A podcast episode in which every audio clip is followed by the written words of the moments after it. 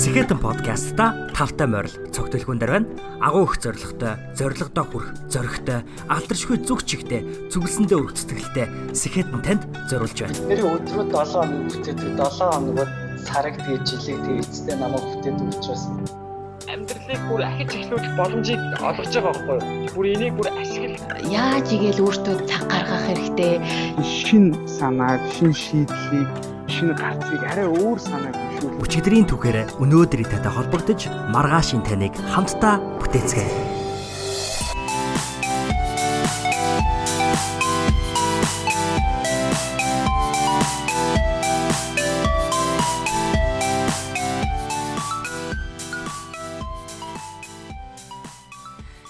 Итгэл найдвараа алдсан мэдрэмж авахгүй байх хамгийн сайн арга нь бос тэгээд хийж эхлэх. Чамд сайн зүйл тохиолдохыг хүлээж буусуу. Гадагшаа гарч сайн зүйлсийг бий болго. Тэгвээс ертөнцийг чи итгэл найдвараар дүүргэн өөрийгөө чи итгэл найдвараар дүүргэн гэж Америк нэгдсэн улсын 44-р хэрэглэгч Барак Обама хэлсэн байдаг. Тэгэхээр сонсогч та бүхэн маань амьдралдаа яг гацсан мэт мэдрэмж авч ирсэн тийм үе байдгүй. Магадгүй яг одоо та тийм мэдрэмжийг авч яж болох юм. Яг юу хийх ёстойгоо гайхаж, хэрхэн урагшилж, амьдралынхаа дараагийн нэг алхмыг хэрхэн хийхээ мэдэхгүй тийм гацсан үе байдаг да.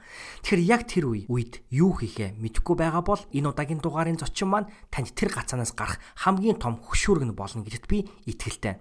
Анд глобал компанийн үйл ажиллагаа эрхэлсэн захирал Улядягийн баяр сайхан бол манай энэ дугаарын хүндэт зочин. Түүний MBA буюу бизнесийн удирдлагын магистрийн зэрэг эзэмшин сургууль болох Вашингтон их сургуулийн Foster бизнесийн сургууль нь дэлхийд номер 1 судалгааны их сургууль юм. Мөн Foster сургуулийн төгсөгчөд төгснөхийн дараа Америк нэгдсэн улсад ажилталтаараа нэгт ордог. Тэр нь 98%. Тиймээс ч баяр сайхан ах сургуулаа төгсчөөд Dell корпорацид бүтээгдэхүүн хариуцсан менежерээр ажилт байсныг нь сонсоход надад гайх зүйлгүй байсан. Турк улсад бакалаврын боловсролоо эзэмсч байсан. Biz Network сайтыг бүтээж байсан. Amazon компанид оюутан байхдаа дадлагжиж байсан гэд түүний амьдралын түүх нь тун баялаг. Тэгэхээр та энэ дугаарыг сонссноор өөрийгөө хурцлж амьдралынхаа дараагийн том зүйлд бэлэн байх. Материалын хөрөнгө бол баялаг биш. Харин жинхэнэ баялаг яг юу болох тухай? Ягаад гэр бүл хайртай хүмүүстэй илүү цаг гаргах ёстой? хэрхэн тэмцэртэй амьдарч урт хугацаанд их зүйлийг бүтээж гараасаа юм гаргах тухай гадаад хэл олон хэл эзэмших нь амьдралыг харах үнцэд хэрхэн нөлөөлдөг. Тэгээд хамгийн чухал нь сэтгэл ханамжтай, няцалтгүй амьдрах тухай гих мэд бусад олон зүйлүүдийг сонсож, санаж, сэхэрх болно. Ингээд Lendman бүтээгдэхүүнээ Монгол улсад төдийгүй зүүн өмнөд Азийн зах зээл нэвтрүүлээд байгаа 20 жилийн хугацаанд өсдөг бизнесийг 2 жилийн дотор бий болгож болдгийг харуулж буй And Global компани баяр сайхан ахтай ярилцсан энэ дугаарууга үсэрцгээе.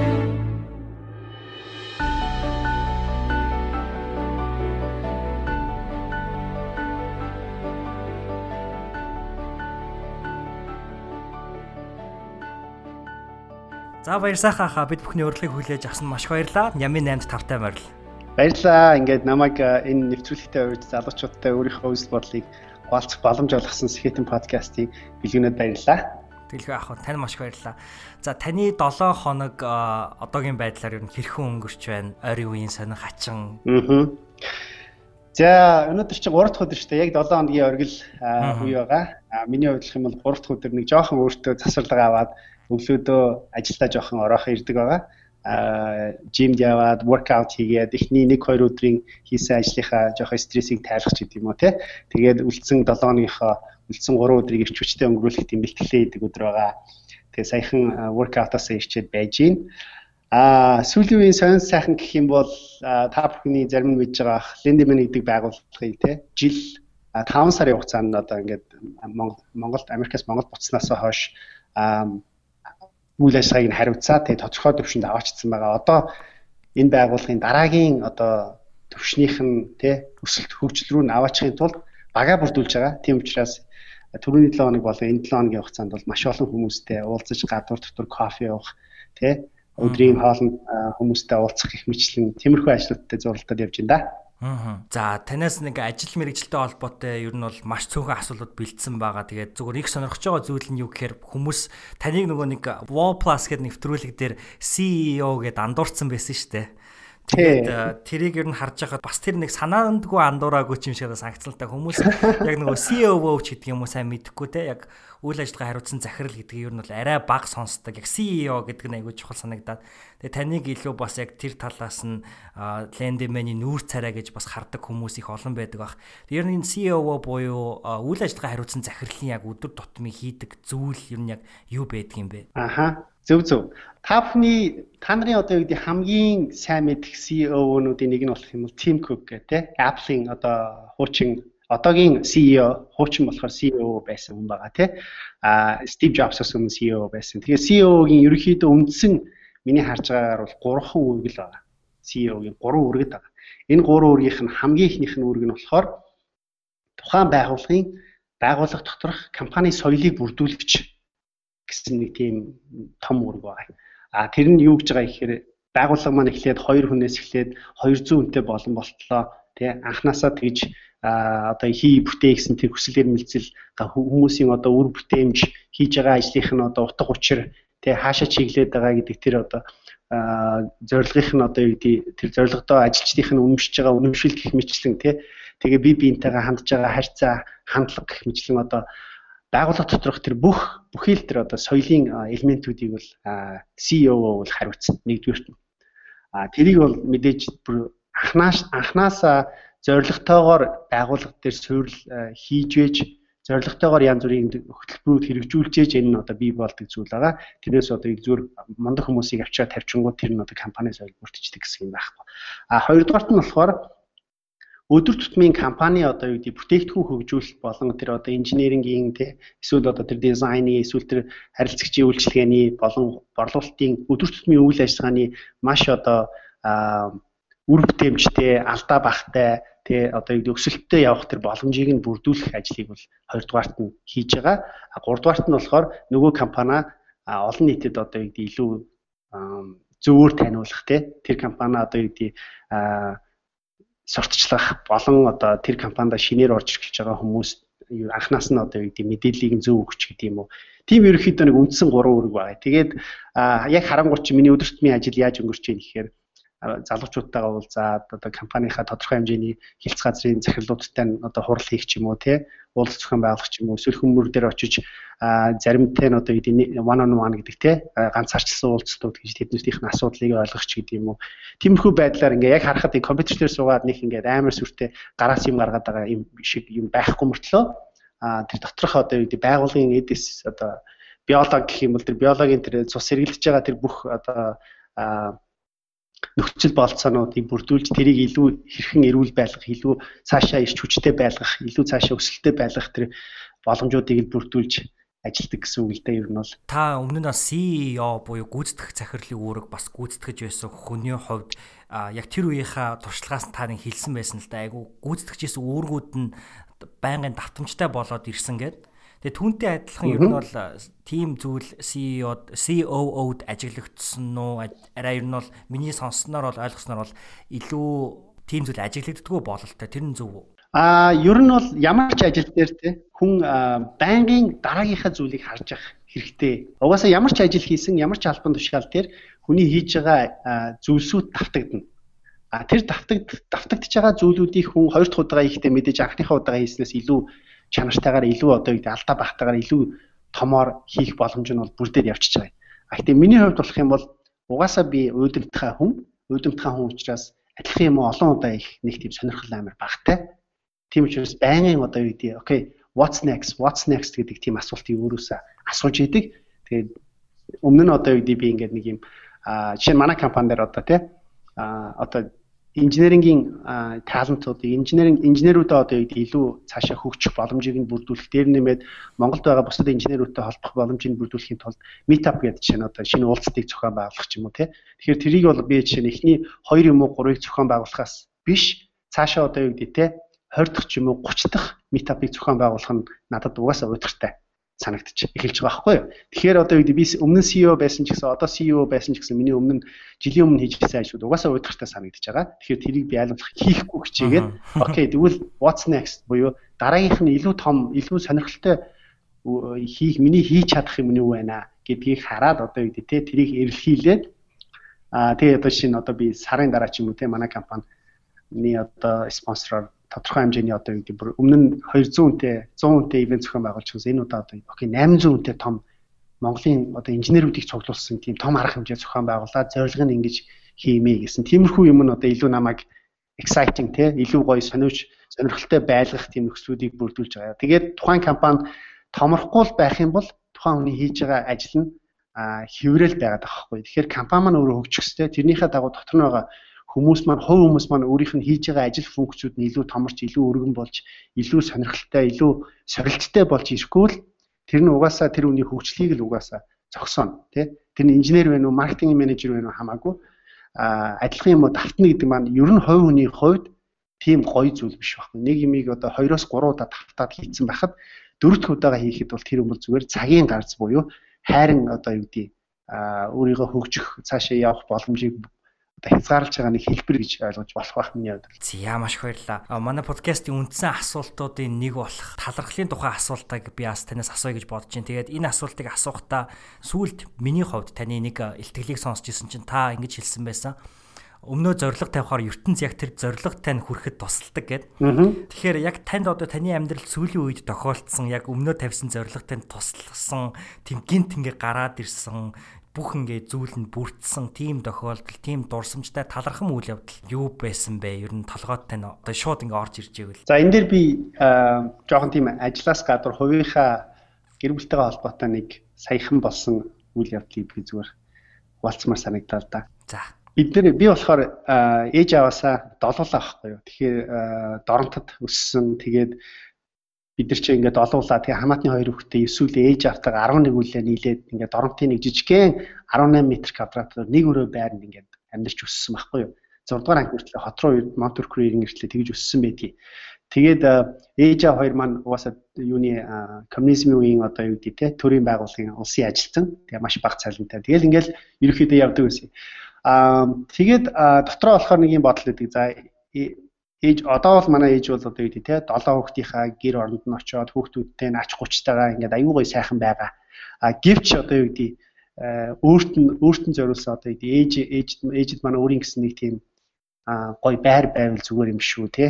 Тэгээд тэрийг дотроо зүгээр бодоо явдаг гэсэн байхгүй юу. Уул нь бол юугаарч дутаагүй л тий ингээл манад ч ирж болно тий манай дүүгинд ч очиж болно угаасаа гой ингээл хүүхдүүдтэйгээ азаргалтай байгаа гэсэн өөрийн гэсэн байр байвал зүгээр юм уу гэдээ одоо ингээд дотроо бодож явж хагаад тэгээ гинт одоо тэр тэрийг бид нар хэрэгжүүлье гэдэг нөгөө ах トゥ нар яриад тэгсэн чинь бүгдээрээ өө тэглэхгүй яах вэ? Тгий тгий хэдүүлээ бүх боломжоороо бүгдээрээ хийгээд цагаан сар цагаан сарын өмнө одоо гэдэг 2 сар ээжээсээ нуугаад те бүгд одоо юу гэдэг нэг нь очиж цэвэрлэгийг нэгээ нэг нь очиж одоо сантехникийн засаад нэг нь очиж одоо юу гэдэг те одоо тавилга мамилгыг аваад ингээл 7 хөвгт чинь 7 шиг гар тэгээ дээр нэмээд нөхрүүд нь тий одоо юу гэдэг манай бэрүүд хөргнүүд бүгдээрээ нийлээд нэх гоё ингээд нэг юм цаанаасаа ингээд за бүгдээрээ нэг гоё үйлстэй гоё юм хийх гэж байгаа штэ гэд тэрийг зорчсон чинь ягаад чи ингээд гар нийлээд одоо компани дээр болдог төслүүдээс илүү хурдан ингээд гоё бүтэж байгаа байхгүй. Тэгээд яг цагаан сарын өмнөх ороо ээжийг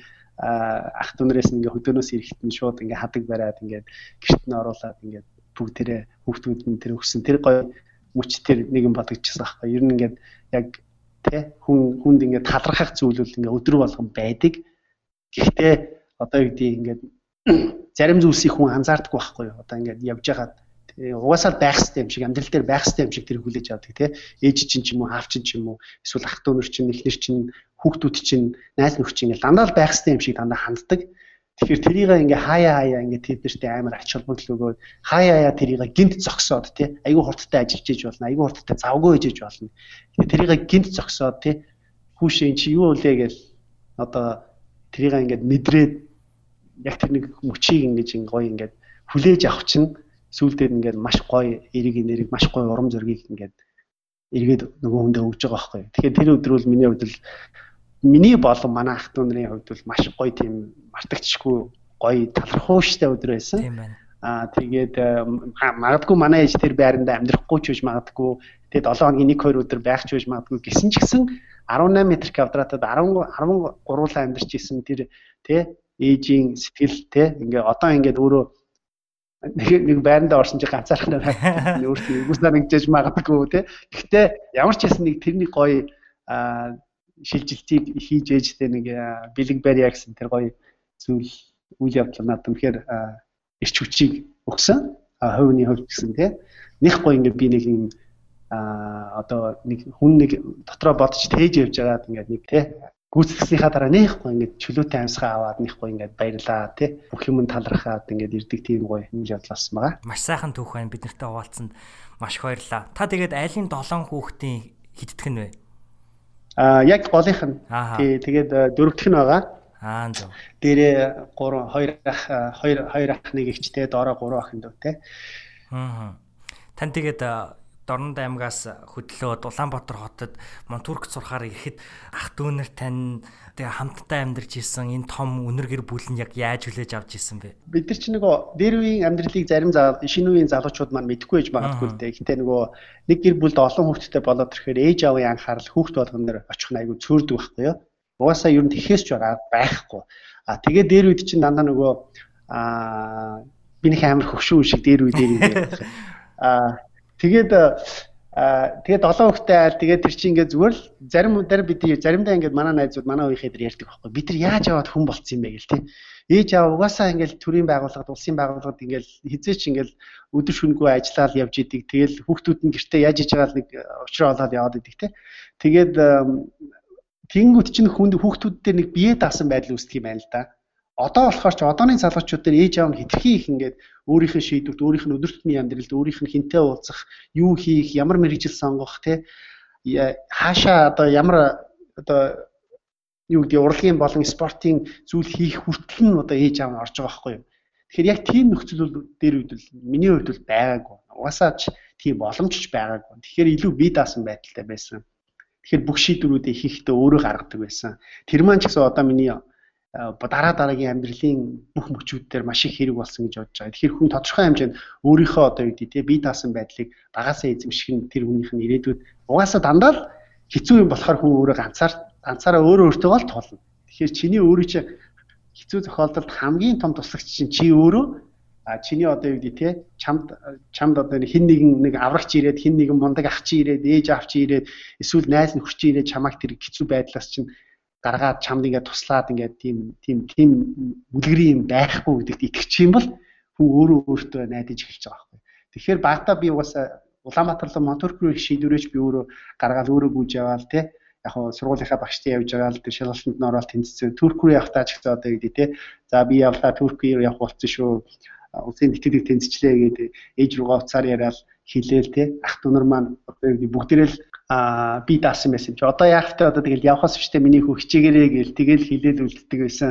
Тэгээд турк руу явчаад нөгөө замын зардал марлал авахгүй буцаад нөгөө Монгол руугаа 6 жил те Монгол руугаа буцаж ирч чадаагүй. Тэр үед чинь интернет гэж байхгүй тий яг байсан л да гэхдээ интернет руу яг хоёр хүн зэрэг орж ирээд хоорондоо ингээ битэр шиг ингэж ярих боломж бол бас ховорхон байсан. Тэгэхээр ээж нөгөө цагуурт ажилладаг байсны хувьд над руу ингээд ийм холбоогоор ийм ингээд юу явуулдаг байсан. Тэг ингээд телеграф Улаанбаатар хат над руу явуулдаг байсан. Яхаа мессенжерээр ингээд мэйл зээл бичих нь тэрний яг захаа шиг аюу гой тийм уянгалаа гэд ирдэг байсан. Ер нь ингээд багасаа би даасан учраас нэг гэр бүлийнхэнтэйгээ одоо юу гэдэг тэд нар маань яах бол ингэх бол гэсэн тийм ингээд одоо dependency гэдэг үг юу гэвэл тийм одоо хараат байдал бол ерөөхдөө байгаагүй байсан болохоор харьцангуй амархан би бидэд нэг тийм юу хөндрөлгүй шилжилтүүд байсан баг тий. Тийм байна гоё юм а те телеграф бол.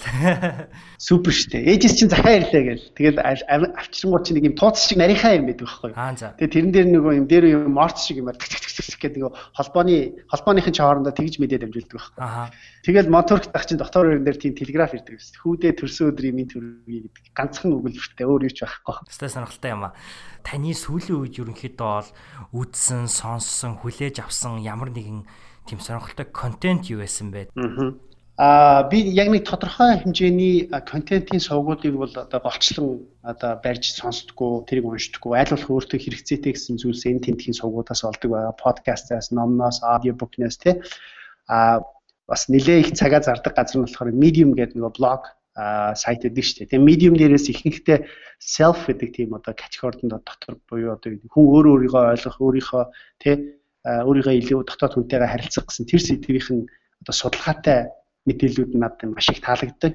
Өмнө нь яадаг байсан бэхээр productivity буюу бүтээмж гэсэн тэр сэдвүүрүүн аягүй их нийтлүүдийг уншиж тэрийг хэрэгжүүлэх гэж оролдог байсан боловч яг тэрэн сүултээ хүн хэтэрхий их бүтээмжээ өндөрсгөхөд хичээгээд ирэхээр тэр нь өөрт нь одоо жоохон ялангуяа миний хувьд бол жоохон буцаад стресс үүсгээд миний одоо үед яг нөгөө өөрийн дотоод хүнтэй маань зөрчилдөх юм уу тохиолдлууд маш их гардаг. Тэгэхээр нөгөө би бүтээмжтэй ажиллах ажилтаа анхаарахаас илүү би яаж бүтээмжтэй байх вэ гэдэг одоо нөгөө аргачлалтаа анхаарад одоо нэг бүтээмж өнөг сайжирдаг байсан байгаа. Тэгэхээр self view одоо өөрөө өөртөө өөрийгөө ойлгох ер нь хүний одоо юу гэдэг те бодол санаа зориг те одоо амьдралаас авах таашаалч гэдэг юм уу тиймэрхүү зүйлийг уншдаг болсон. А нэг ялангуяа нэг тийм нийтлэл маш их таалагдсан ба тэрийг би залуучуудтайгаа суулцъя гэж байна. За. Энэ юу вэ гэхээр а хүний авьяас сонирхол гэдэг юм нь хоёр янз байдаг гинэ. Тэр нь болохоор эхнийх нь болохоор growth interest буюу одоо гэдэг ингээд сонирхол нь байнгын өөрчлөгдөж идэг тэр нь ингээд улам даймжирч ингээд сүултээ авиас бэлэг болж идэг нэгдүгээр төрлийн growth interest гэж байгаа. А хоёр дахь нь болохоор fixed interest гэдэг байгаа. Fixed talent гэдэг байгаа. Тэгээ энэ болохоор нөгөө growth mind fixed mindsetтэй адилхан байхгүй. Гэтэ ер нь бол нөгөө авиас бэлэг дээр суурилсан.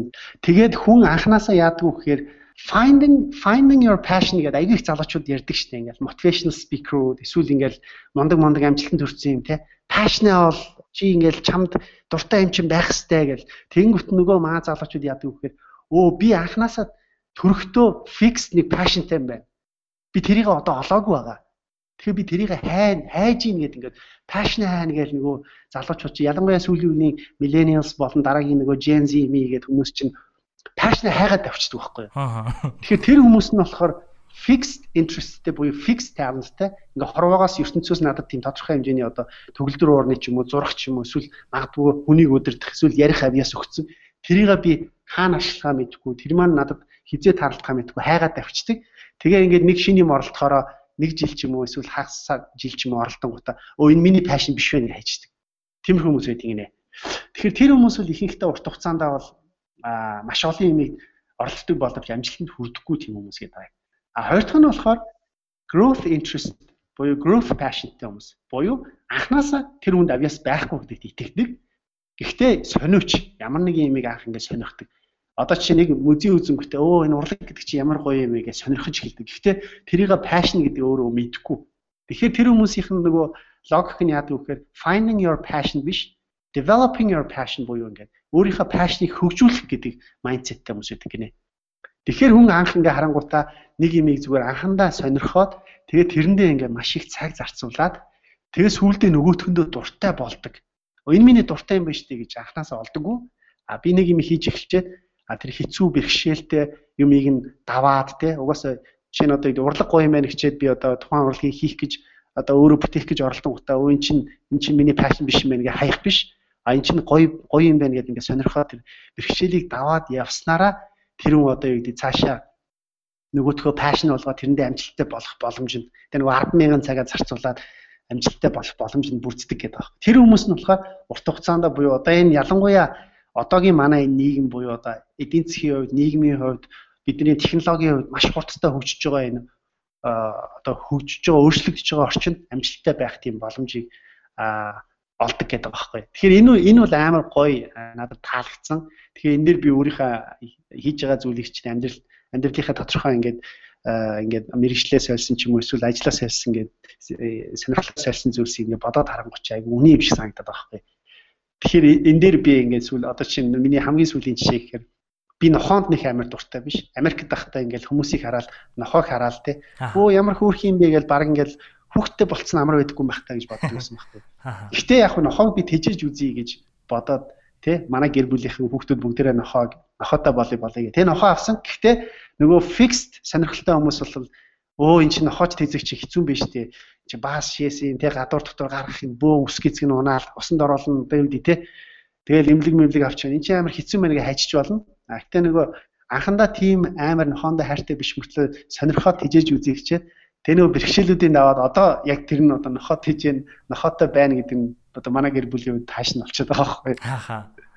Тэгэхээр нэг ийм гоё сонирхолтой зүйлс олж мэдсэн. А яг хүн анзаардаггүй бэлээ.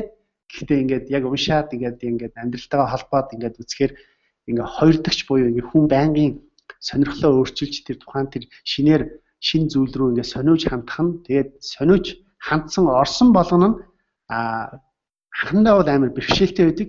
Тэр бэрхшээлийг давснаар тэр хүн одоо юу гэдэг шин пашнтай болох боломж байгаа шүү гэдгийг л судалгаагаар харуулсан байлээ. За би танаас нэг ийм асуулт э, таны энэ хуваалцсан контентыг сонсонгоо бодлоо л доо. Тэрний үхээр бас миний нэг медиум дээр сөүлд уншсан блог байсан. Одоо бид бүхний хэлээд байдаг specialist буюу мэрэгчлэн эксперт буюу яг нэг сэдвийн одоо мэрэгжлийн хүнч гэдэг юм уу те энэ төрлийн одоо хүмүүсийн 90 үе бол дуусч байна. Тэгээ ямар хүмүүсийн 90 үе эхэлж байна гэж тэр блог дээр бичсэн байсан бэ гэхээр энэ жил Леонардо да Винчигийн хэдэн насны жилдээ төрсөн өдөр болж байгаа юм билэ. Тэгээд одоо Леонардо да Винчидээ төстэй хүмүүс гэх юм бол одоо Бенджамин Франклин ч гэдэг юм уу, орчин үеэс гэх юм бол Стив Джобс ч гэдэг юм уу, олон өөр төрлийн салбаруудад сонирхолтой учраас тэр зүйлүүдийг нэгтгэхэд ингээд төрөл бүрийн юм ингээд сэтгэдэг боддог төрөл бүрийн юмд их одоо сонирхолтой түүнээсээ юм бий болгодог хүмүүсийн ийм ирүүн эхэлж байна гэж тэр блог дээр бичсэн байсан.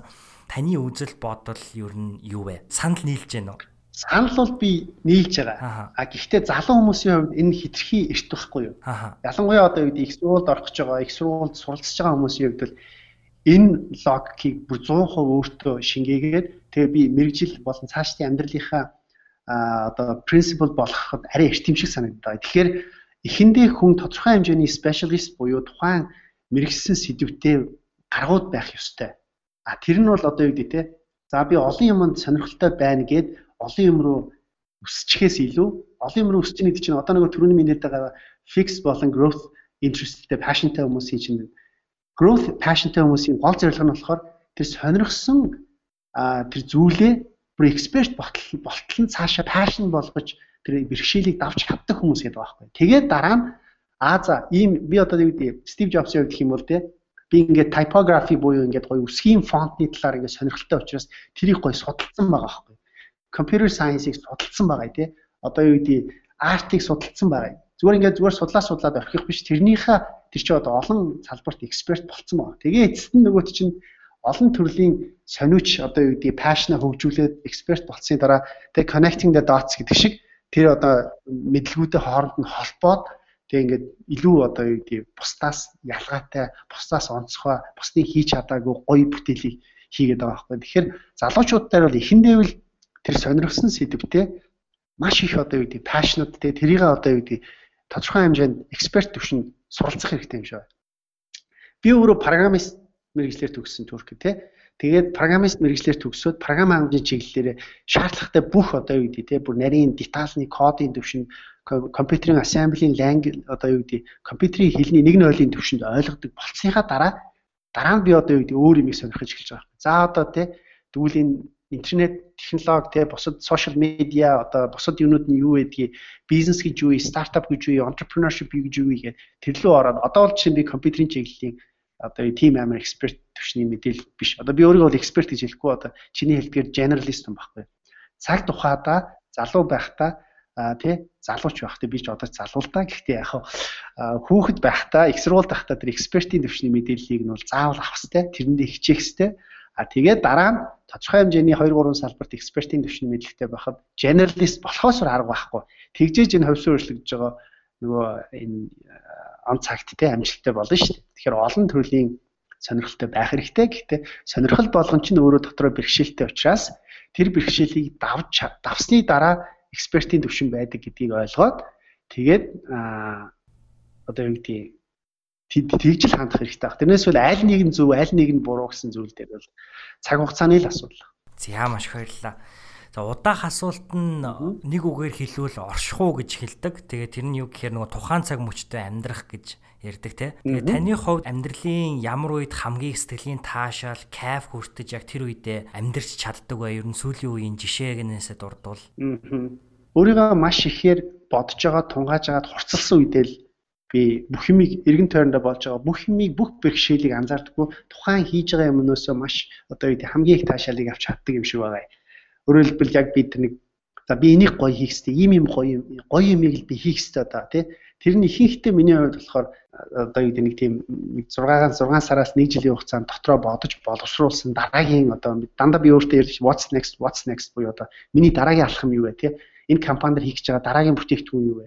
Дараагийн одоо хийх гэж байгаа одоо юу гэдэг дарах гэж байгаа зорж байгаа зорилго маань юу вэ гэдэг хүн чинь ингээд давааны цаан даваа гэдэг шиг нэг даваагаа давчаа тэрнээс өндөр давааг одоо юу гэдэг хайхтай албатай хайх ёстой байдаг шүү дээ. Тэгэхгүй л бол одоо үед адилхан даваагаа даваа л байвал болохгүй. Тийм учраас а эргэж харангуйч нь жишээ нь би одоо үгүй Монголд өөрийнхөө бизнесийг хийж явах үедээ одоо. За би ерөнхийдөө дэлхийн том компанид очиж те дэлхийн том сургуульд очиж би ингээд бусдаас суралцах хэрэгтэй маань MBA MBA хийх хэрэгтэй маань гэдэг тэр нэг бодлыг тэр зорилгыг би одоо үгүй өөртөө бүр ингээд 100% итгүүлээд тэгээ тэрийг би зүрхэндээ хийгээд за тэрнийхээ төлөө би юу ч хамаагүй хийх юм байна гэл шийдвэрээ гаргаад зүтгэснийхаа дараанаас хойш би яг тэр тэр тухайн юмд орч чадд юм л. Монголын хувьд юм бол MBA-гээ дуусчаад би Монголд ирсэн. За Монголд нэг хэрэгтэй нэг гоё залуучуудад хэрэгтэй нэг гоё төсөл рүү ормоор байна да тий. Нэг юм гоё өөрийнхөө бүх ур чадрыг ашигласан ял. Тэгэл найзуудтайгаа нийлээл лендмен гэдэг төслийн тухай яригдчих эхлээл. За тэгэл одоо Монгол руу буцахаасаа өмнө бараг 6 сар дотроо ингээд өөрийгөө сэтгэл санаагаараа одоо оюун санаагаараа тий бэлдээд Тэгээ Монголд ирснээс хойш жил гаруй хугацаанд бол одоо яг тэрэндээ 100% ороод тэрнийхээ төлөө одоо юу бүх юм зориулаад тэгээ тэрнээсээ таашаал аваад тэгээ хийж байгаа бүх юм дотроо ингээд юу гэдэг яг мэдрээд тий нэг тийм цагсны тоглогч нар чинь ингээд сагсж байхдаа яг өөрийгөө мэдэрдэг үеуд идэв шүү дээ. Тэр нь болохоор яг нэг өөрийгөө сайн хурцлсан үедээ л чаддаг юм шиг байна миний хувьд.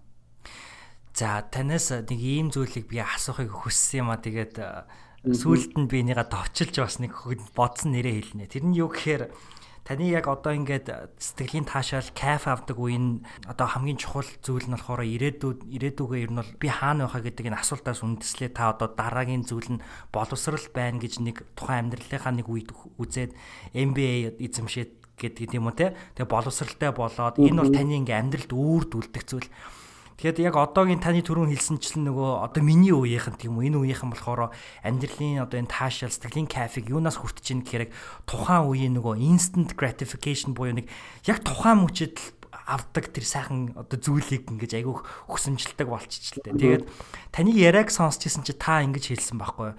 Та CEO байхдаа таны эрхэлж байсан таны үүсгэн байгуулсан компани бол тэр үед болохоор та сард 20-оос 40 сая төгрөгийн орлоготой компанитай болчихсон байсан. Тэр үедээ та яг босод одоо CEO-нуудтай адилхан Jeep худалдаж аваад Jeep ундаг байсан гэ тэ. Гэтэл та тэр бүхнийгээ хаяад Америкт одоо боловсрал эзэмшгээр ингээ явсан гэдэг жаа. Тэгээ Америкт та бас нэг яриан дээр хэлж исэн. Америкаас ирнэ гэдэг бол бас нөгөө амьдралын Америкийн тийм тав тухтай амьдралын хэм маягийг ер нь бол хаяад ирж байна гэд. Тэгээ та одоо болохоор Prado машин биш Prus машин барьдаг те. Pradogоос Prus руу ер нь бол ингэж та одоо уруудцсан гэж баг бид нар харах байгаа байхгүй тань. Гэтэл яг эсэргээрээ болохоор та өгсцэн байгаа байхгүй те. Яг сэтгэлгээний хувьд дараагийн төвшөнд аль хэдийн очсон. Тэгэд энийг биднэрт нэг одоо яг одоо надад жишээ зориулаад дүүнэртэй зориулаад алдаж болохгүй зүйл нь яг юу нэр байна. Энэ дээр ер нь та нэг сайхан өөрийнхөө түүхийг хуваалцвал. Наадхан дээр чинь хүн хүн өөрийгөө хөгжин, хүн өөрийгөө амжилттай явж гин, хүн цаашаа одоо юу өсөж дэвжиж гин гэдэг зүйлийнх нь тодорхойлт нь хүн болгоны хувьд өөр юм шиг байна, тий? А миний хувьд болох юм бол яг тухайн магадгүй залуу залуу үед бол бид бид Түркэд байхдаа тий их нартайгаа хоёлаа ингээд Түрк төгсчөөд Түркийн нэг банкны програм хэмжээд ажиллаж байхдаа битүүрийн мөрөөдөл, битүүрийн дараагийн төвшин тэгээ нөгөө what's next гэдэг асуулт нь юу байсан бэ гэхээр Монголдо гой нэг байрны мөнгө цуглуулах гэсэн гэсэн тийм хүсэл байсан байхгүй юу. Тэгээд Монголдо ирээд циркийн хажууд нэг хуучин хам давхарт нэг байр авч игаад авцсан авч авж исэн тийм мөчөөс мөчөөсөн байхгүй юу. А тэгээ ингээд цаг хугацааны туршид ингээд яваад эхлэн хүчин ер хамгийн гой хүний одоо юу гэдэг сэтгэлийн таашаа гэдэг юм уу те амьдралаас авж байгаа баяр баясгалан хамгийн гой зүйл чинь явж явж нөгөө материалдаг гэхээсээ илүү яг ингээд хүний дотор байдаг тий хүн өөрөө өөрөө мэдрэх тийм одоо гоё мэдрэмжүүд дээрээ илүү тулгуурлах хэрэгтэй юм шүү. Тэр нь одоо юу гэдэг заавал одоо би за би ингээд циркэд циркийн хажууд хоёр өрөө байртай болцсныхаа дараа одоо би энийг гурван өрөө болгоно, машина томсгоно тий эсвэл одоо юу гэдэг би гоё дараа зун ингэн тэгнэ нэг тийм зүйлсүүд чинь зорилгууд чинь дандаа тийм нэг юм а эцтэй төгсгөлтэй тэгээ эргээд харангуй чи амар жоохон өчүүхэн тэгээ тэр нь болохоор дараа нь миний ирээдүйн одоо юу гэдгийг би миний ирээдүйн баяр сайхан ирээдүйн одоо тэ бэлгүүн гэдэг хүн дээр нэг амар амар их нөгөө accumulative буюу ингээд бөөгнөрсөн инвестментийг хийхгүй байгаа юм шиг санагдаж эхэлсэн байхгүй сүүлдээ. Тэгэхээр явж явж эн чинь хэн чухал юм бэ гэхээр а би би өөрөө чухал юм байна. А миний гэр бүл чухал юм байна. Миний хүүхдүүд чухал юм байна тий. Бидний одоо юу гэдгийг а өнгөрөөж байгаа цаг хугацаа чухал юм байна. Бидний хийж байгаа зүйлсийнх нь утга учир нь чухал юм байна. Тэрнээсээ илүү таашаад авах авах нь чухал болохоос биш одоо гэдэг те өөр мэдээж хүн тодорхой хэмжээний тав тух тодорхой хэмжээний гоё боломж бол байх хэрэгтэй. Тэрнийхээ төлөө үл өстой нөгөө өстой work your butt off гэдэг шиг те бүх бүх боломжтой одоо ажлыг үл хийж те тэр тэр дот энгийн одоо хэрэгцээгээ хангах орлоготой байх хэрэгтэй. Тэрний төлөө ажиллах. Тэрнээс цаашаа хүн нэг амар тийм одоо утга учирыг л хайж эхэлж байгаа байхгүй. Тэгээд өөрөө өөртөө инвест хийх систем байна. Гэр бүлтэй инвест хийх систем байна. Тэр нь болохоор одоо материал материалистик бишээр инвест хийх систем байна тий. Тэгээ ирээдүйн рүүгээ илүү харсан зүйл рүүгээ явах хэрэгтэй байна гэдэг. Нэг жоохон тийм философи маягтай хариулт хариулч үгүй гэдэг. Амар абстракт юм шиг боловч яг үнэ хэлэхэд одоо ингээ миний таашаал авдаг зүйлүүд өөр болцсон баг. Би одоо 5 70 унаад таашаал авахгүй. Яг магадгүй гой санагдана. Яг тухайн үед яг унаад явах нь оо ямар гоё юм бэ тухтай юм бэ те. Гэхдээ тэр нь so what те. Би тэр 5 70-ыг авсны оронд би хэрвээ 5 70 авах мөнгө байсан бол надаа чи 250-аас 300 сая төгрөгийн үнэтэй машин шүү дээ.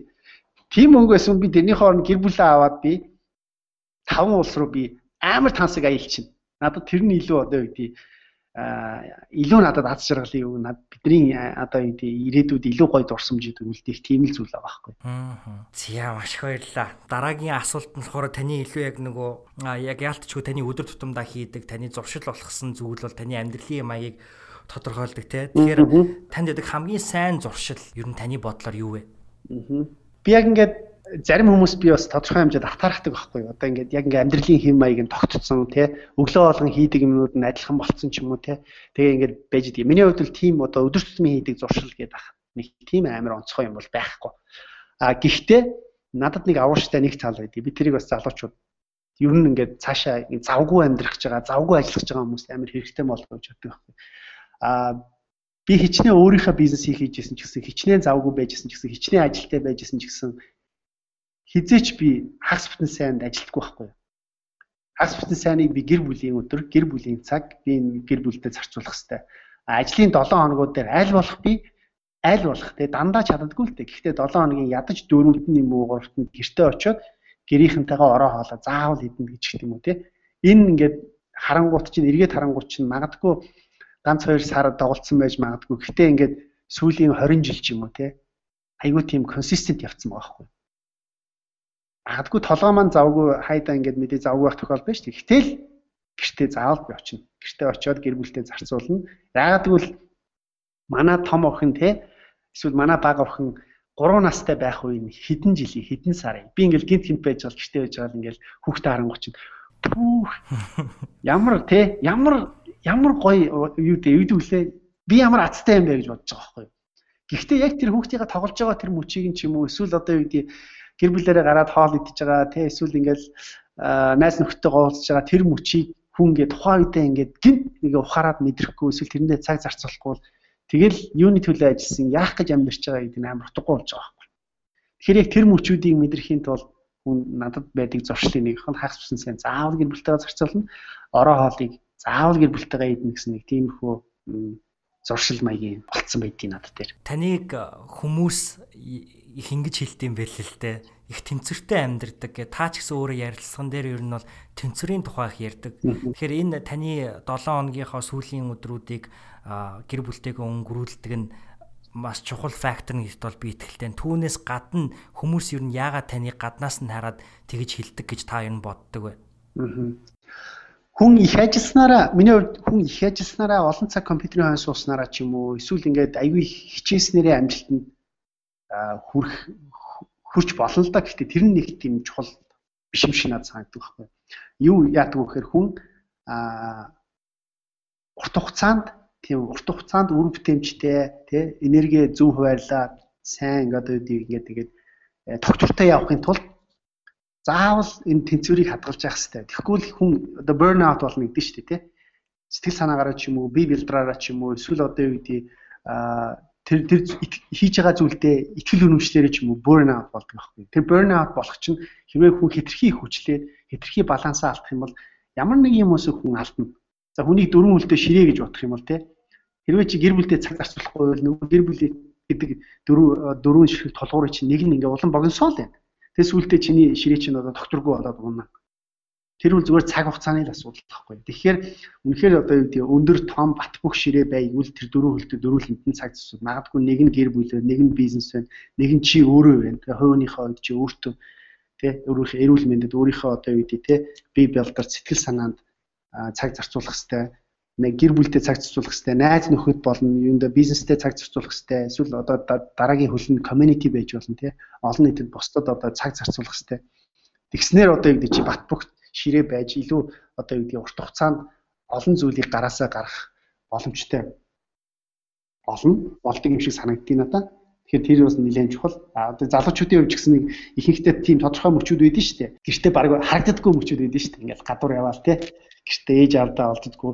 Магадгүй тэр мөчүүд чи ээж аав чи амьдрал ээж аавынх нь амьдралынх нь хамгийн чухал мөчүүд байгаа шүү дээ. Яг тэгвэл чи ингээд их сургууль сураад цаашаа ингээд төгсөөд ажил хийгээд өөр улс руу яваад явчих явцснаас чи хойш чинь ээж аав чинь чамайг тийм олон удаа харахгүй шүү дээ. Тэгэхээр магадгүй одоо юу гэдэг гэртээ илүү тодорхой хэмжээний цагийг өөртөө зарцуулах тийм одоо зуршлыг бий болгох ч юм уу ээж автагаа тодорхой хэмжээнд те ах дүүнэртэйгээ байх тийм зүйлсийг эртнээс зуршил болгоод хийх юм бол чамд ч гоё мэдрэмж төрн дээр нэмээд нөгөө хүмүүс ээж авд чинь ч гэсэн одоо юу утга учиртай энэ хүүхдийг би гоё өсгөөд тий удахгүй ингээд өрхөө тусгаалаад явах чинь гэдэг тэрнээс өмнө ингээд гоё чанартай цаг хугацааг хамт өнгөрөх боломжууд л та. За би энэ ярилцлагуудыг сонсож байгаа нэг зүйл ажигласан юм а. Тэгэд энэ нь болохоор би таныг санаатайгаар өөрийнхөө амьдралд юу бий болох гэж оролддог зөвлөө эсвэл угаасаа төрөлхийн зөвлөө гэж асуухыг хүсэжсэн. Тэр нь юу гэхээр та бол одоо боловсролын хувьд ялангуяа Монтуркт сурж байгаа Турк улсад очоод тэгээд бас дээд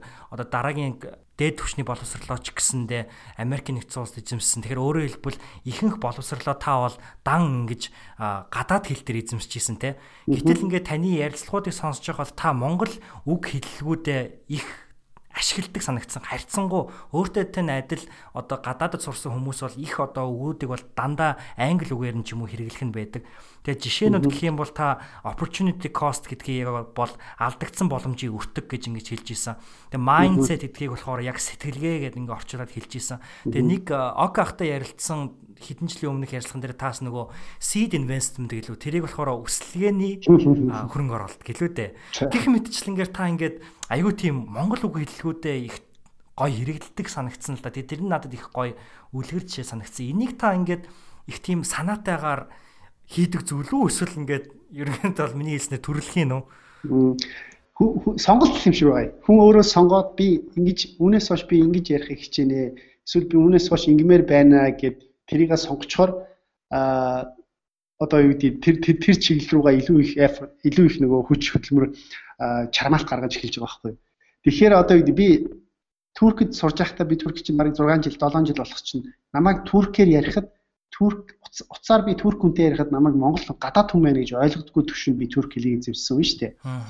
Тэгээд Монгол руу ирчээд одоо чинь эхэндээ хүн угаасаа л байгаа орчноос нөлөөл нөлөөлөл автдаг юм чинь яалтчгүй тэр чинь өссөн үсээгүй турк үг хольж ярих юм эсвэл туркийн төгсөн найзуудтай ярихад ярьж эхэлж байгаа. А тэгээд тухайн орчиндөө жоохон байж байгаа. Ер нь би айлуулах нэг багсах яач гэдэг юм уу. Гэт нэг хичээл хичээл чармаалт гаргаад эхлэнгүүт чинь аяндаа багсдаг юм шиг ба. Тэгэхээр сонголтын л асуудал баг. Тэрнээс би амар одоо юу гэдэг хичээгээл тий айлах ингэ шүү тэгээ шүүхгүй шаардлагатай үед нь гадаад үг хэллэг орж ирж л гэдгийг гэхдээ яг одоо би шинэ Америкт хугацаанд бол тодорхой хэмжээнд монголоор ярихад бол байнга л гадаад үг орж ирнэ. А гэхдээ одоо Монголд ирээд бараг жил агс бараг 2 жил болж байна. Тэр үед чинь яалчгүй Монгол үг рүү орохоос айгуулж байгаа. Сая хэд хоногийн өмнө олон улсын төрлөх хэлний өдөр гэд болж байгаа гэд. Тэгээд яг тэр давхцаад тэгээд таны бас ярилцлагуудыг яг сонсоод ингэсэн чинь миний ер нь бол айгүй санаа зовоодаг асуудал. Би ч гэсэн өөрөө айгүйх англи үг хэрэглээд байдаг юм байна лээ. Өөрийнхөө яриануудыг сонсож байхад тэгээд тэрэн дээр их гутарсан. Тэгээд таны яриаг сонсоод ер нь бол Монголд ийм зөв лидер төрж байгаад баярлж исэн аахгүй. Үлгэрчээ санагдсан тэгээд. Аа хэлний хувьд болохоор миний бодлоор хэл чинь тухайн хүнд шинээр ямар нэгэн асуудал, ямар нэгэн зүйлийг өөр өнцгөр харах боломжийг нь олгоод байгаа шүү дээ. Нөгөө тархины ажиллах процессыг нь арай өөр одоо юу гэдэг те өөр өнцгөөс өөр сувгаар харах боломжийг олгож байгаа. Тэгэхээр миний гадаадд байгаа ялангуяа те жишээ нь Америкт ч юм уу эсвэл те хаанч дэлхийн хаанч гэдэг Японд ч юм уу байгаа хүмүүс маань их хэлээ аюу сайн хадгалах нь зүгээр одоо юу гэдэг Монгол Монгол хэлээ зүгээр ингээд юу гэдэг вүлээ хүндсэнтэй ч юм уу за боли их орн их орн гэдэг тэр гоё юмудаа болио л та гэхдээ ядаж над тархинд чинь ямар нэгэн асуудлыг Монгол өнцгөр харах одоо Япон өнцгөр харах Америк өнцгөр харах гэдэг тэр одоо шинэ гоё боломжийг бүрдүүлж байгаа шүү. Тэгэхээр хүүхдүүдтэй аа тий ингээд залуу үеийнхэн ялангуяа Америкт 5 жилээс илүү болцсон хүмүүс үл ихэнхдээ дандаа ингээд Монгол Монгол өнцгөр харах тэр боломжоо алдаад байгаа юм шиг санагдав. Бид нар ч гэсэн гэр бүлээр Америкт байхдаа гэртээ англиар ярихыг хорцсон байсан. Аа тэгээд гэртээ бүгдээрээ л монголоор ярьдаг байна тий. Харин монгол руу буцаж ирснийхаа дараа гэртээ монголоор ярихгүй англиар ярина гэдэг болсон. Ягаад угаасаа гадуур гадуур монголоор ярьж байгаа юм чинь ингээд. Тэгэхээр ер нь бол энэ аль альнийг нь авч явах нь зүгээр яах зүгээр хүн хүнд байхстай одоо юу гэдэг хүнд илүүл хэрэгтэй л зүйл болохоос биш одоо энэ нэг амар ингээд тий эсэргүүцээд ах зүйл биш л ах л та тий. За их сонирхолтой өнцгөөс та бол яхаа аргагүй харж хэллээ. Хоёлаа сая сайн зуршлын тухай ярьсан. Тэгвэл танд байдаг таны бодлоор хамгийн муу зуршил тань юу вэ? За муу зуршил зөндөө байна уу? Аа за тэндээс хамгийн анхных нь юм бол би амар төвчээр багтай, амар төвчээр муутай. Тэгэхээр төвчээр муутай зам маань юмыг яг хөө зарим тохиолдолд энэ амар хэрэгтэй. Яг гэвэл би шинэ юмыг эхлүүлээд тэрийг хурдан гүйцэтгэж, хурдан дуусгаж, хурдан үр дүнгийг харахыг аягүй их хэрмэлздэг. Энэ заримдаа бизнесийн талбар ч юм уу, хувийн талбар ч юм уу, а дутуу ч юм уу эсвэл алдаатай ч юм уу шийдвэрүүдийг бишээ гүйцэтгэлүүдийг гаргахад шийдвэрүүд би бодож байгаа гарчин гэхдээ гүйцэтгэл дээр амар их яардаг юм patient гэдэг чинь тэ төвчээр багтаа өмнө гэсэн. Тэгэхээр энэ энэ зуршил маань бол хайдаа бол надад буруугаар нөлөөлөд байх шиг байдгийг.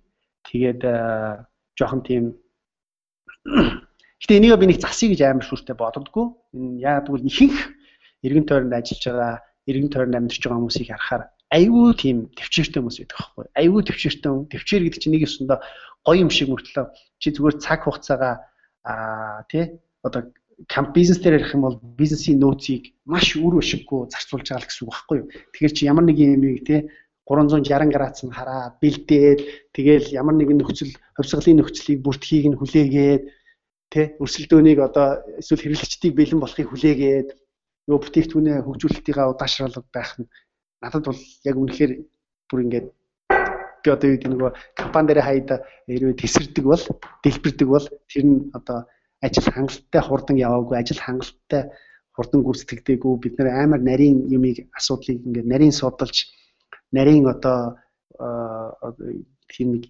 360 градус юмыг би бэлэн болгож жээч дараа нь одоо тэрийнхээ үр дүнг харъя гэдэг тэр сэтгэлгээ надад айгүй таалагддаггүй. Ганц юм болохоор move fast тий deliver fast гэдэг тийм тэгээд learn fast гэдэг тийм одоо юу гэдэг аргачлалыг бол өөртөө бол амар баримталдаг. Энэ зарим хүмүүс зарим одоо юу гэдэг ингээд олон жил ч юм уу ингээд зарим ингээд төвчээртэй удаан ажил хийдэг хүмүүст бол маш сөргөөр нөлөөлдөг юм шиг байлаа. Айгүй стресс үүсгдэг юм шиг байлаа. Би яаруулад идэг тий. Аа жишээ нь одоо хувийнхаа хувьд би жишээ нь одоо өөр дээр нэг жишээ авах юм бол MBA хийн гэдэг шийдвэрээ гаргангуудаа би 3 сарын хугацаанд тий а TOEFL-доо бэлдээд MBA-дээ бэлдээ юугаа GMAT-тэй бэлдээ шалгалтаа өгчдөг. Тэг би одоо явах ёстой гэх тэгээд тэрэн дээр нөгөө төвчээргүй болохоор амар яарад Тэгээд сургууль сонголт Монгол. Ер нь бол MBA дээр нэг хүн дунджаар 3-аас 4 удаа GMAT өгдгийг би сүлд мэдсэн л дээ. Тэгсэн би чинь шууд ингээл нэг өгөөл тэгэл таг гээл тэгэл тэгэл нэг TOEFL өгөөл тэгэл дөрөв сургууль руу аппликейшн шууд явуулаад тий 2 3 сарын дараа. Тэгэхээр нөгөө миний төвчээргүй зан хайда эргээр хайда сөргөөр нөлөөлдөг байгаа. Бас даваатай л болоо. Таны ингэж ярилцлагуудыг сонсож байгаа. Та их opportunity cost гэх түрүүн ярьсан тэр зүйлийг бол их дурддсан шиг санагдсан л да. Тэгээд жишээ нь одоо таны бас үйл ажиллагаа эрхэлж байгаа Nand Global-ийн Land Man гэдэг үйлчлэгээ ч гэсэндээ яг тэр хүмүүс бол одоо банкнд ч гэдэг юм уу маш их цагийг та ингээд алддаг гэж ингэж хэлж ирсэн. Түүнтэй адилхан ерөнхийдөө бол маш их цагийг бол үр ашиггүй өнгөрүүлж байгаа зүйлүүдийг бол та маш сайн олж хардсан шиг санагдсан.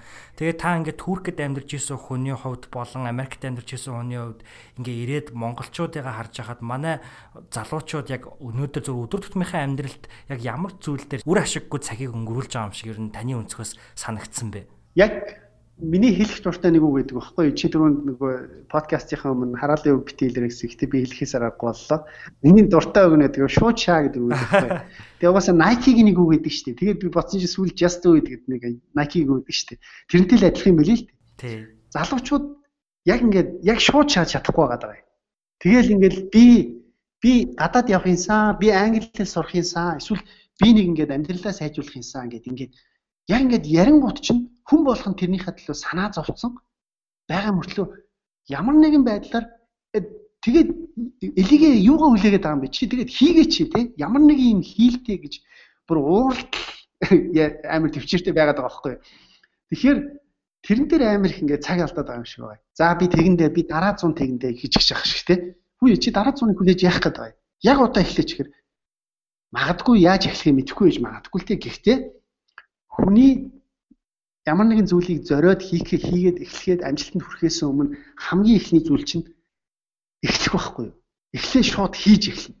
Хийгээд тэр хүн чинь алдсан уу, онн уу, тэр э, одоо дутуу болно уу? Тэр гаргасан бүтээгдэхүүн тий алдаатай байна уу? Зах зээл дээр амжилтгүй болно хамаагүй. Зүгээр л just do it тий. Шууд чаа тэгээ хийгээд эхлэх хэрэгтэй. Англи хэл сурыг бол англи хэлний сургалтын төлбөр байхгүй нөө сурах юмсан гэж бодж идэг залуучууд зөндөө байгаад байгаа хгүй. Үчи англи хэлний сургалтын төлбөр яах гэдэг интернетээр дөрөв англи хэлний хичээл байна. Чи баг ингээд нөө юу л да хуучин номын дэлгүүрүүдээр очиод англи хэлний ном авчираад бүгэлж болно уншиж болно Тэ? Эсвэл англи хэлний клубүүд байна те Toastmaster гэдэг одоо юу гэдэг те Toastmaster гэдэг ингээд хүмүүс англи хэлээр ярьж сурж байгаа хүмүүс нь цуглаад би биентэй англиар ихтгэл тавьдаг клубүүд байна. Одоо юу гэдэг ингээд? Боломж байгаа. Гэхдээ тэрнийг хэрэгжүүлж эхлэх чухал байна. Тэгэхээр тэрэн дээр цаг бити алдаасай л гэж боддتي. Тэгэхээр энийг нэг үгээр тодорхойлвол инерц гэж хэлж болох уу? Тий өөрөө өөртөө жоохон тийм жоохон зориг гаргаад нэг нэг зүйлийг эхлүүлсэн байхад тэр чин цаашаага аянда явна. Тий тодорхой хэмжээнд эхэлсний дараа бол инерц бий болно. Инерц байхгүй байхад тэр үл зүгээр бодлороо үлдэнэ. Буюу чи зүгээр хайрын цагаа хугацаагаа зарцуулаад байгаад байгаа. А бизнесийн хувьд болох юм бол чи тодорхой хэмжээний шийдвэрээ гаргаад шууд хийж эхлэхгүй л чи нөөц алдаал байна. Өдөр болгон чи 200 цалин өгөх хэвээр, өдөр болгон чи 200-ны офисын зардлыг төлөх хэвээр, өдөр болгон чи те тэр гарч байгаа бизнесийн одоо юу гэдэг fixed cost буюу тэр тогтмол өртгийг үл чи хийхстэй тэгэхээр хурдан хөдлөх, хурдан өсөх, хурдан одоо юу гэдэг хөгжүүлэх тийм боломжуудаа алдаж болохгүй байхгүй. Мэдээж тэрэн донд гаргасан шийдвэр болгон зөв байхгүй, гаргасан эхэлсэн ажил болгон зөв байхгүй. Хувийн дээр ч гэсэн тий. Агадгүй чи 3 сар зуралдаа англи хэл чинь огт сайжрахгүй байж болно шүү дээ. Гэхдээ чи сайжраагүй гэж бодсон ч гэсэн чи хэрвээ хичээж л байвал ямар нэгэн үр дүн гарч л байгаа. Ядаж чи болохгүй гэдэг замаа ойлгоцсон байгаа. Тэгэхээр чи өөр замыг хайна гэсэн үг. Аа. Таны ер нь э, яг энэ удаагийн ярилцлагыг баг болно гарчиг нь шууд шаа гэдэг хөчл гоё юм шиг. Болох юм бодвол тэгмээр л шүү.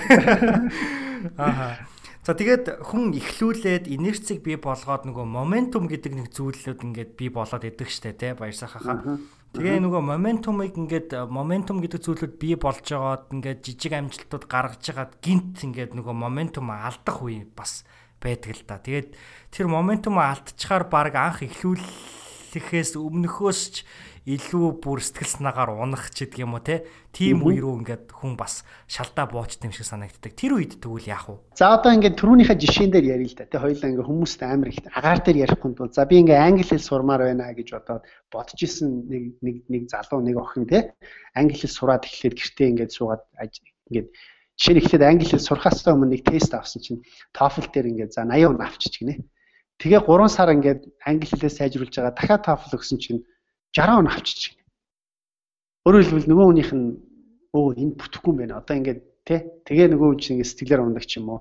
Эсвэл одоо гэдэг нөгөө за би чадахгүй мэн гэдэг бодолд автах тий. Буюу одоо нөгөө айгуугаа хичээжсэн тэр урам зориг нь алга болчихлоо шүү дээ. Тий. Тэгэхээр энэ дээр хүн энэ тохиолдолд над дээр ч гэсэн угаасаа хувь хүний болон одоо бизнес төр зөвлөл иймэрхүү тохиолдол тохиож байгаа. Тэр үед нь миний одоо гэдэг хэрэгжүүлдэг зүйл гэх юм бол зүгээр тэрэндээ тэрнээсээ төр завсарлага ав. Төр завсарлага аваад өөр юмд анхаар. Гэхдээ бууж өгнө гэсэн үг биш. Зүгээр төр завсарлага авна. Төр завсарлага авахтаа тэр чад оролдож исэн юм уу бодохгүйгээр өөрийгөө өөрөө өөртөө тархиндаа тийм үү сэтгэлдээ тэрийг ингээд ингээд ойлгох тэрийг хүлээн зөвшөөрөх хугацаа өгөх хэрэгтэй юм шиг санагддаг надад. Тэгэхгүй би чадах хэрэгтэй би чадах хэрэгтэй яг гүрэж болно л да гэхдээ тэр үн чинь ер нь бол нэцнэ гэдэг бол сэтгэл санааны л асуудал байхгүй юу. Хүн сэтгэлээрээ л нэцвэл тэр хүнд ямар ч тийм тэрийг хийх, тэрлүү тэмүүлэх хүсэл зориг байхгүй болчихно гэсэн үг байна. Тэгэхээр тэр сэтгэл гэдэг зүйл чинь өвдчлөө л гэсэн үг байхгүй юу. Тэгэхээр тэрэндээ тэр сэтгэлийн сэтгэл санаагаа буцаад тэр урам зоригаа буцаад авахын тулд хүн тэр нэг тодорхой хэмжээнд нэг одоо гам байр гэдэг шүү дээ. Эмчилүүлж байгаа юм дээр гам байр гэдэг шиг одоо юу гэдэг те зөвөр ингээд нэг тэрнээсээ салаад өөр юм хийгээд нэг жоохон тодорхой хугацааны дараа бүр марчихгүй шиг. Тэгээ буцаад нөгөө ажил руугаа ороход шаал өөр урам зоригтой, шаал өөр одоо юу гэдгийг ирч хүчтэйгээ нөгөө ажил руугаа орох болов гэж бодож байна л да. Зя. Маш их баярлалаа. А таны сүүлийн үед амьдралдаа гаргасан хамгийн том амжилт юу байсан? Ер нь таны тодорхойлолтоор амжилт гэж бас юу вэ? За яхан сайн асуулт тий. Хамгийн сайн асуулт. Тэгэхээр тий. Миний хувьд миний хувьд амжилт гэх юм бол тий яг нэг юм тодорхой milestone буюу одоо тодорхой тавьсан тоо тоо болон тодорхой тавьсан одоо юу гэдэг зорилтуудыг биелүүлэх гэхээсээ илүүтэйгээр тий өөрийнхөө хийж байгаа хийж байгаа зүйлээсээ одоо байж байгаа байдлаасаа би үнэхээр ингээд happy байна уу тий би сэтгэл өндөр байна уу? Би үнэхээр одоо юу гэдэг зөв замдаа явж гин үү гэдэг нэг тийм нэг юм өөрөө өөрөөсөө нэг юм асуулт тий тэгэл оо окей болж гин. Тэгвэл check. Тий болж гин гээл окей гээл тэгэл өөр өөртөө явдаг. Тэр мэдрэмж нь надад одоо юу гэдэг амжилт юм шиг санагдаад санагддгийг ер нь бол те. А тэгээд хизээ амжилтгүй байна вэ гэж би өөрийгөө бодох юм бол аа би энэ хийж байгаа юм хийж байгаа юмнаас ч юм уу те одоо энэ байгаа байдлаас би сэтгэл хангалуун биш вэ штэ гэж бодож ихэлсэн тохиолдолд би өөрийгөө амжилтгүй байна гэж бодож байгаа. За хамгийн сүүл гаргасан амжилт гэх юм бол одоо яавт. Яалтчгүй одоо энэ Монгол ирээд те 3000 харилцагчтай байсан Lendman гэдэг байгууллагт ороод Тэгээ энэ багийг нь 30 хүнээс одоо юу гэдэг те ойролцоогоор 180 200-тэй болтол нь 3 4 5 компани болтол нь ингээд энэ компани дотор ингээд тодорхой хэмжээний үүрэг гүйцэтгээд Монгол залуучуудад те үлгэр дуурайл болоод 20 жил 20 жил болж ээж өсдөг бизнесийг те 2 жилийн дотор яаж ингэж өсөж дэвжиж те ингээд залуучууд нийлэхээрээ хийж болдгийм бэ гэдэг энэ харуулна гэдэг энэ гоё гэгээлэг одоо зорилт нь миний хувьд амар чухал байсан байхгүй юу.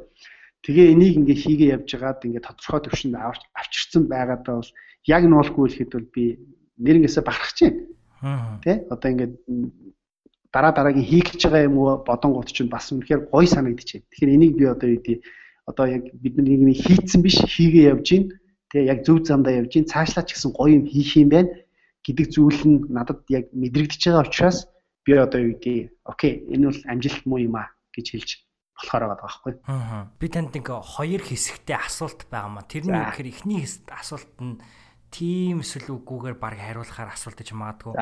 Монгол улс хизээ нэгэн цаг ялангуяа ойрын үеийн түүхэндээ тэрбум доллараар үнэлэгдэх одоо компанийг бий болгож чадах боломжтой болов болно шүү дээ. Болно. Угаасаа болно л гэж бодвол бид нар болгож чадна. Гэтэ энэ нь харин яг яаж яаж болох юм те ямар салбарын компани байх юм Энэ нь 100% Монгол компани байх юм уу? Эсвэл Монгол хүмүүсийн оролцсон компани байх юм уу? Тэрийг нь бол хэлж мэдгүй. Гэхдээ тэр тэр гоё мөрөөдөл, тэр гоё хүсэл, тэр гоё тэр тэмүүлэл чинь тэмүүлэл бид нар хэрвээ итгэх юм бол тэрнийхээ төлөө юм хийж чармааж эхлэх байхгүй? Хэрвээ бид нар тэрэндээ итгэхгүй л хүн болгон одоо юу гэдэг тэр тэр зүйл тэр зүйл одоо юу гэдэг анхаарал сэтгэлтэй зүрх одоо юу гэдэг хөдөлмөр цаг зав зарцуулахгүй гэсэн үг байна. Тэгэхээр бид нар болно л болно боломжтой. Гэхдээ магадгүй энэ ойрын хэдэн жил биш байж болно те. Ойрын хэдэн 10 жилд болж магадгүй. Гэхдээ ямар ч байсан болно гэж бодчих юм бол бид нэр тэрний гоё биднэрт ямар нэгэн байдлаар зүг чих хэрэгтэй биднэрт ямар нэгэн байдлаар мөрөөдлөх хэрэгтэй очих одоо юу гялалцах од хэрэгтэй тэр лугаа бид нар тэмүүлж явах хэрэгтэй тэрийг бид нар аль болох өндөрт тавьснаар бидний одоо юу гэдэг туулах зам ч гэсэн тэр хэмжээгээр одоо юу гэдэг аа гоё дээшээ байх байх юм бол болж байгаа байхгүй.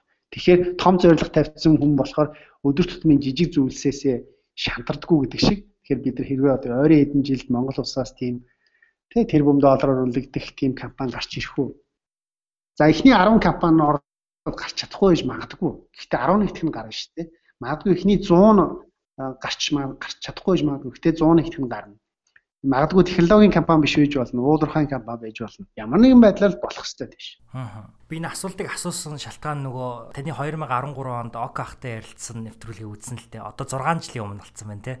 За. Тэгээд та ОК ахтай ярьж байхдаа нэлийн сүүл хэсэгт нь монголчууд тэрбум долларын үнэлгээтэй компанитай болж чадах болоо гэдэг айгүй тийм эргэлдсэн байдлаар та хоёр нэг тийм яриа хальт яриад өнгөрсөн байхгүй юу. Ааха. Тэгээд би ингээд сүүлийн үед таныг дагж байгаа, таныг их сонсож байгаагийн хувьд болохоор одоогийн баяр сайхан гэдэг хүн болохоор тэр хүний баг санаанд багтж байгаа юм шиг санагдсан байхгүй юу. Тэгээд би одоо мэдэхгүй л дээ таныг яг хов хүний гэхдээ зөв тийм мэдрэмж бол төрсэн. Тэгэхээр бол 6 жилийн хугацаанд бол таны одоо belief буюу итгэл үнэмшилт бол маш их өөрчлөлт бас гарсан болов гэж. Ер нь бол мэдээж гарсан тодорхой л баг. Гэтэ ер нь бол та тэрэн дээр юу гэж бодож байна? Ер нь бол таны ялангуяа энэ сүүлийн 6 жилийн хугацаанд те таны ихтгэл үнэмшил яг яаж ингэж ийм хурдцтайгаар хэд дахин өсөж өөрчлөгдсөн юм болоо яаж бид нар энэ хязгаартай ихтгэл үнэмшлээсээ цуулж цоорж гарч ирэх хэвтэй юм бол өөрийнхөө өөрийнхөө одоо юу гэдэг нөгөө ихтгэл үнэмшил өөртөө ихтгэлтэй байх тэ юмыг юмыг эргээр харах Тэхийн тулд тодорхой хэмжээний цаг хугацаа, тодорхой хэмжээний бас нэг жижиг жижиг юм одоо амжилтууд ч тийм үү ингээд хийчихсэн бүтээчихсэн юм байх юм бол хүнд аймаар ингээд хэрэгтэй юм шиг байгаа. За одоо ингээд тухайн 6 жилийн өмнө ярьж байхад би бит хоёр ч одоо юу гэдэг хинэн ч Око тэр үед те дэлхийн хэмжээний тэрбум долларын үнэлгээтэй Techstar Techstar гэдэг компани те бүс хариуцсан захирал болно гэдгээ өөрөө ч мдэггүй явж исэн. Тэгээ би болохоор тухайн үед магадгүй те ингээд дэлхийн том компанид очиод те юу эдий яадгийг харъя те.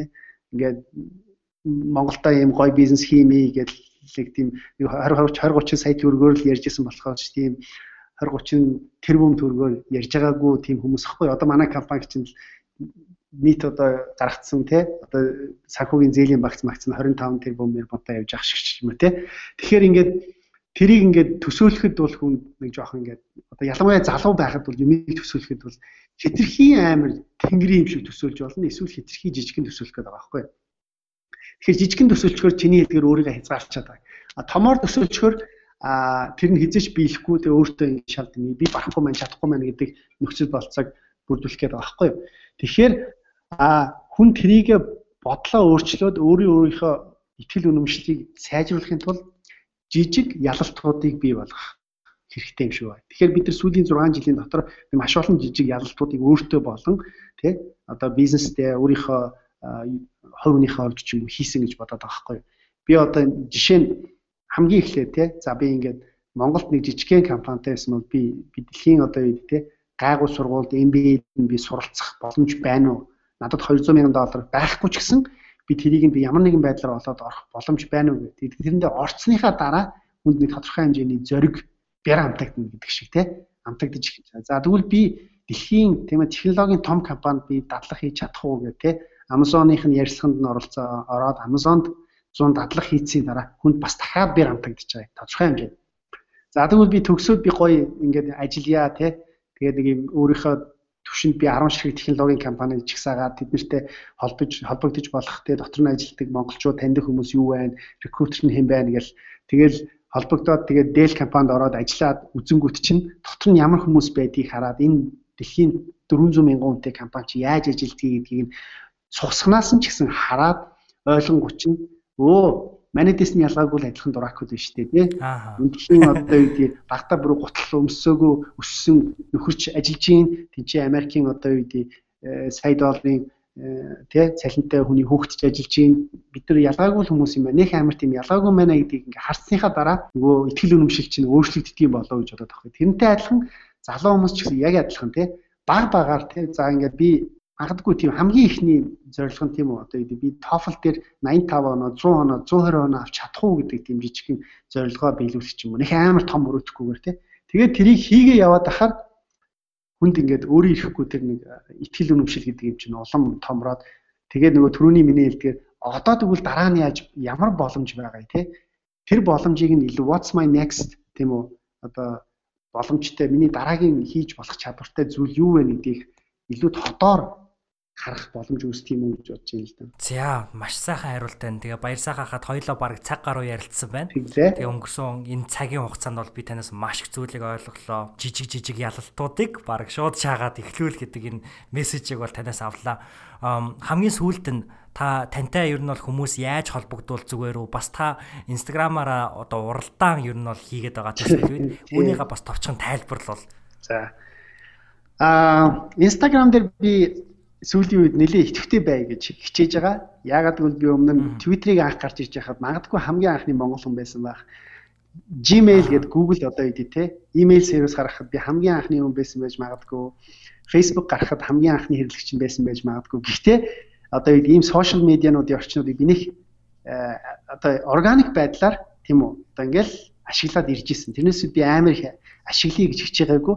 А Instagram бол ялангуяа надад маш их таалагдсан. Яагаад гэвэл яг энэ подкастыг сонсогч нар шиг залуучууд маш их байдаг.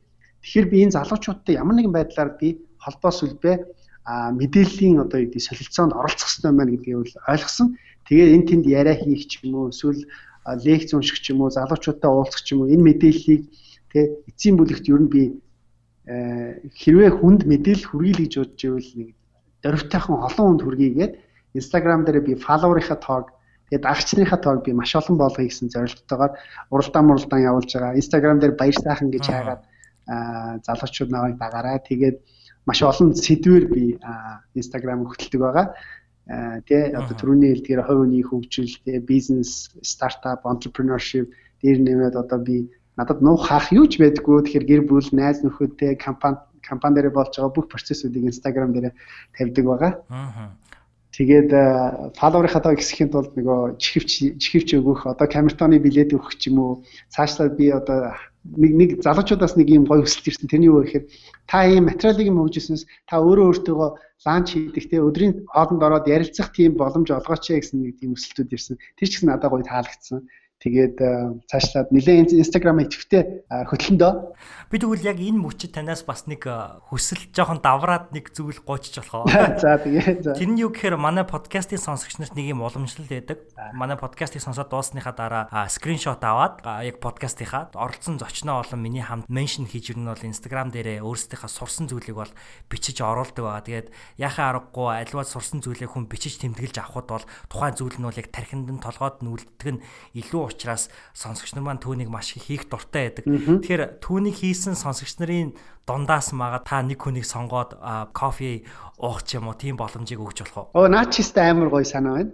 Тэгвэл яа энэ подкастн дээр битүүрийн энэ дугаарыг сонсоод тэгээ сурсан мэдснээ бичээд тэгээд чамааг бол намайг тайгалсан хүмүүсээс тэгвэл нэг азтангийн сонгоод тэгээ би өдрийн хоол ч юм уу орой хоолнд ч юм уу ураад тэгээд чөлөөтэй сэдвээр нэг цагийг өнгөрүүлэх тийм боломжийг олгол яаж юм. Хэвээ гоё. Яагаад гэвэл би сэхэдэн подкастын уншигч нарыг илүү материалыг биш материалыг бус юмыг бэлгийг илүү сонирхох гэж аа чиний дэгүү саналыг хэрэгжүүл явуулаа. За тэгээ. Хэвээ гоё маш их баярлалаа. Тэгээ таны Instagram handle буюу хаяг нь болохоор баяр сайхан байгаа тий. Тэгээд х нь болохоор KH гэдэг хоёр үсэг нь хоёулаа орж бичигдсэн байсан. Тэгээд тэр бас та гоё хандлтай юм билээ те. Бас хамгийн анхны бараг баяр сайхныг тооч авсан юм биш үү?